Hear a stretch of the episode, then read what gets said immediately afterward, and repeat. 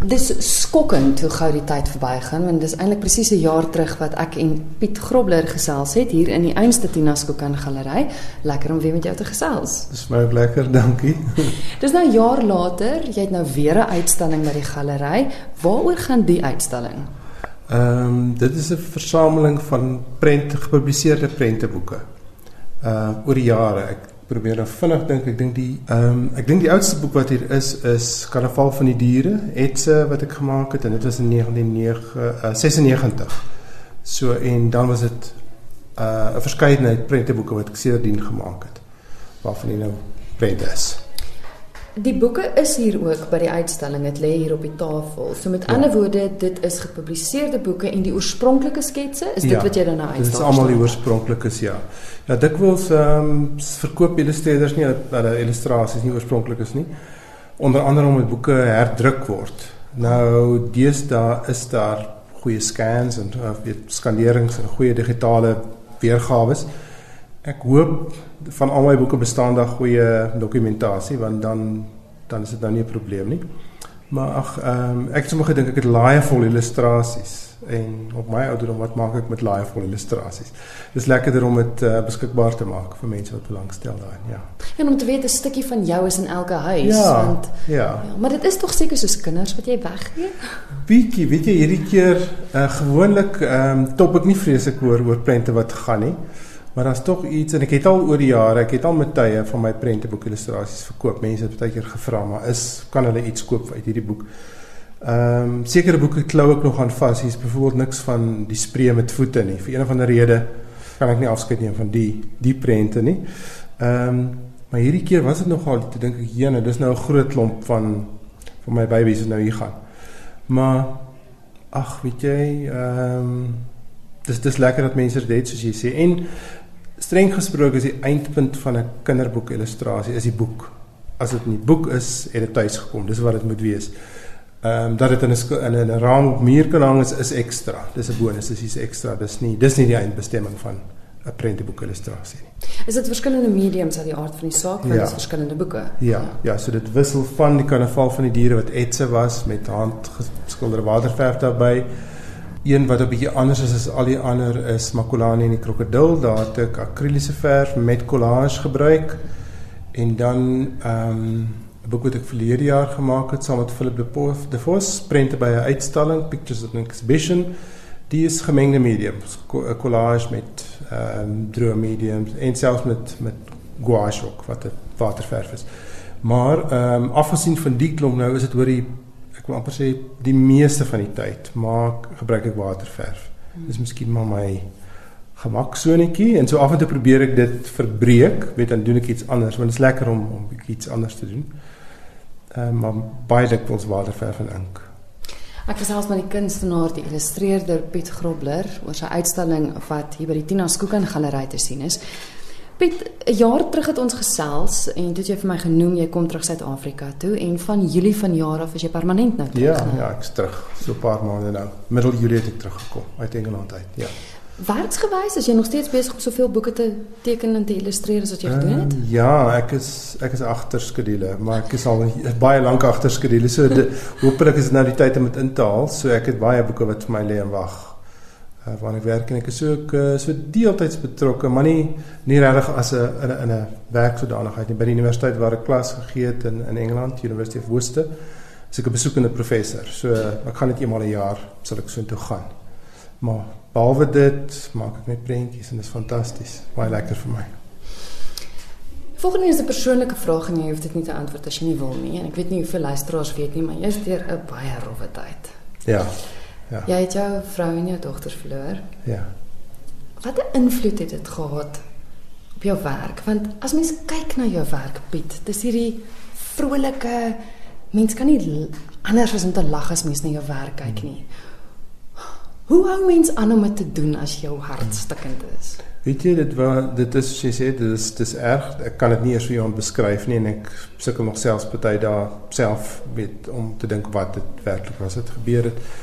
Ehm um, dit is 5 jaar gelede al. Die eerste dit het 'n invloed uiteraard. Uh, die eerste 2 jaar na die ongeluk waarin hulle dood is, het ek glad nie 'n boek gemaak nie. So daar was 2 jaar wat ek net nie die lus gehad het om enigiets te doen nie. En daarna het ek ehm um, in die derde jaar het ek 'n boek gemaak uh, waarvan die ook illustrasies is. Wie is koning? Who is king? Afrika volksverhale. In die boek ehm um, is is baie het ek baie helder kleure gebruik. Miskien helderder as ek normaalweg gebruik in my uh, sê maar met kleurkry daarbey gewerk om baie intense kleur te kry. Ek het doelbewus dink ek gedink okay, ek gaan so vrolik as moontlik probeer werk in die ding. Ja mens jy kom op 'n manier daar deur. Ehm um, jy weet nie regtig hoe nie. Ehm um, en dit bly altyd hartseer, maar dis of jou die hartseer wil jy seer op 'n ander plek van jou hart. Dit gaan lê op 'n ander plek. Dit word 'n dowwer pyn. Wat is die lekkerste van jou werk? Die lekkerste is definitief dat my stokperdjie ook my werk is. Dat mense lewe kan maak wat wat eintlik vir stokperdjie is. Ehm um, baie lekker ook van my werk is dat ek dit enige plek in die wêreld kan doen waar ek 'n stuk papier kan neersit. Ehm um, dit is baie lekker mense kan dit maklik van enige plek van die wêreld af stuur ook as jy scan gemaak kan kry op 'n vreemde plek. En as mense illustreerders, ek weet baie uh, beeldende kunstenaars wat groot werk, ehm um, jy moet 'n groot studio of atelier. Ek sal gelukkig ek het nou hier in Queenswood waar ek nou bly, 'n lekker grootte. En ek kyk kyk uit op die groentetuin soos ek moeg getekenis gaan werk ek eers in die groentetuin. Ehm um, so dis maar dis 'n ander lekker ding van illustreerder wees. Jy kan met 'n betreklike klein ruimte ook ook regkom want die formaat waarin jy werk is gewoonlik die formaat waarin die boek gaan wees. Dis ideaal min of meer. As jy nou die woorde kry, die storie kry vir die eerste keer hmm. en jy lees hom vir die eerste keer, ja. sien jy dadelik prentjies in jou kop? Nee, ehm um, gewoonlik wil ek ten minste so ek hou nie baie daarvan om heeltemal in 'n blik gedruk te word en sê hoor hierdie boek moet klaar wees binne 2 maande nie. Uh ek moet langer waarskuwing kry en meeste uitgewers gee daarom langer waarskuwings as dit. Ek wil gewoonlik so maand hê wat ek glad nie wil begin teken ek wil net eers loop en dink. Ek kan besig wees met iets anders, maar ek loop net en dink kan verskillende moontlikhede benader. Mens lees die teks uh, baie noukeurig deur om te dink, weet so goed as mens kan, hoe dink jy, waarvoor vra dit? Ehm, um, ek dink baie keer mense uh, mense het my al gevra vir wie illustreer jy? Ehm, um, en ek dink nie mense illustreer vir 'n gehoor nie. Uh spesifiek nie, want jy kan nie in die plek of in die lewens van jou gehoor instap heeltemal nie. Mense sê ek is eenvoudig nie agt nie. Uh weet mense jy onskuld verloor. Ek kan nie maak as vir die die die mentaliteit van 'n klein kindjie het nie. Ehm um, ek dink mense illustreer vir die teks. Jy moet die teks so goed as moontlik verstaan. En soos dit nou is, is my manier van werk dink ek geskik vir dikwels vir kinders van 'n sekere ouderdomsgroep. So ek dink ehm um, maar mense hou in gedagte en mense uitgewer wys jy natuurlik ook daarop. Hulle het natuurlik 'n baie spesifieke idee van waar sit hierdie boek in die mark, vir wat vir wie is die leser? Die beoogde leser hiervan. Ehm um, ja, en dan moet jy baie keer aanpassings maak. Dan sê byvoorbeeld hier is twee illustrasies van Marita van der Heyver se Mia se ma. Ek dink dit is die boekie wat ek al gemaak het wat gerig is op die jongste kinders. Dis my jongste boekie. Anders soos ek daar oorkant is ehm um, Pictures of an Exhibition, die Mazorski prente by ja. uitstalling wat eintlik nie vreeslik regtig vir kinders ideaal is nie maar hoe hoe kan mense ook sê weet party kinders kan iets absorbeer wat iemand anders nie kan nie maar ek wil amper sê dis 'n boek wat 'n volwassene ook kan waardeer so ehm um, en ek het dit in ag geneem toe ek die want as sê maar daar's daar's inhoud in die in die in die prente wat nie alle kinders noodwendig sal snap daar en daar's verwysings na ander kunswerke en so voort het jy 'n keuse oor watter boeke jy wil illustreer? Jy word genader deur 'n uitgewer. En as jy dan pad geloop met 'n uitgewer dan kyk hulle gewoonlik ehm um, wat sal geskik wees vir jou. So ek het 'n Nederlandse uitgewer Lemneskaart wie ek al baie jare met wie ek al saamwerk. My uitgewer in in Engeland was Francis Lincoln en my uitgewer daar self het weggebreek van hulle af en sy's nou Otterbury Books en ek het besluit om saam met haar te gaan. So baie keer is dit ook 'n persoonlike verhouding.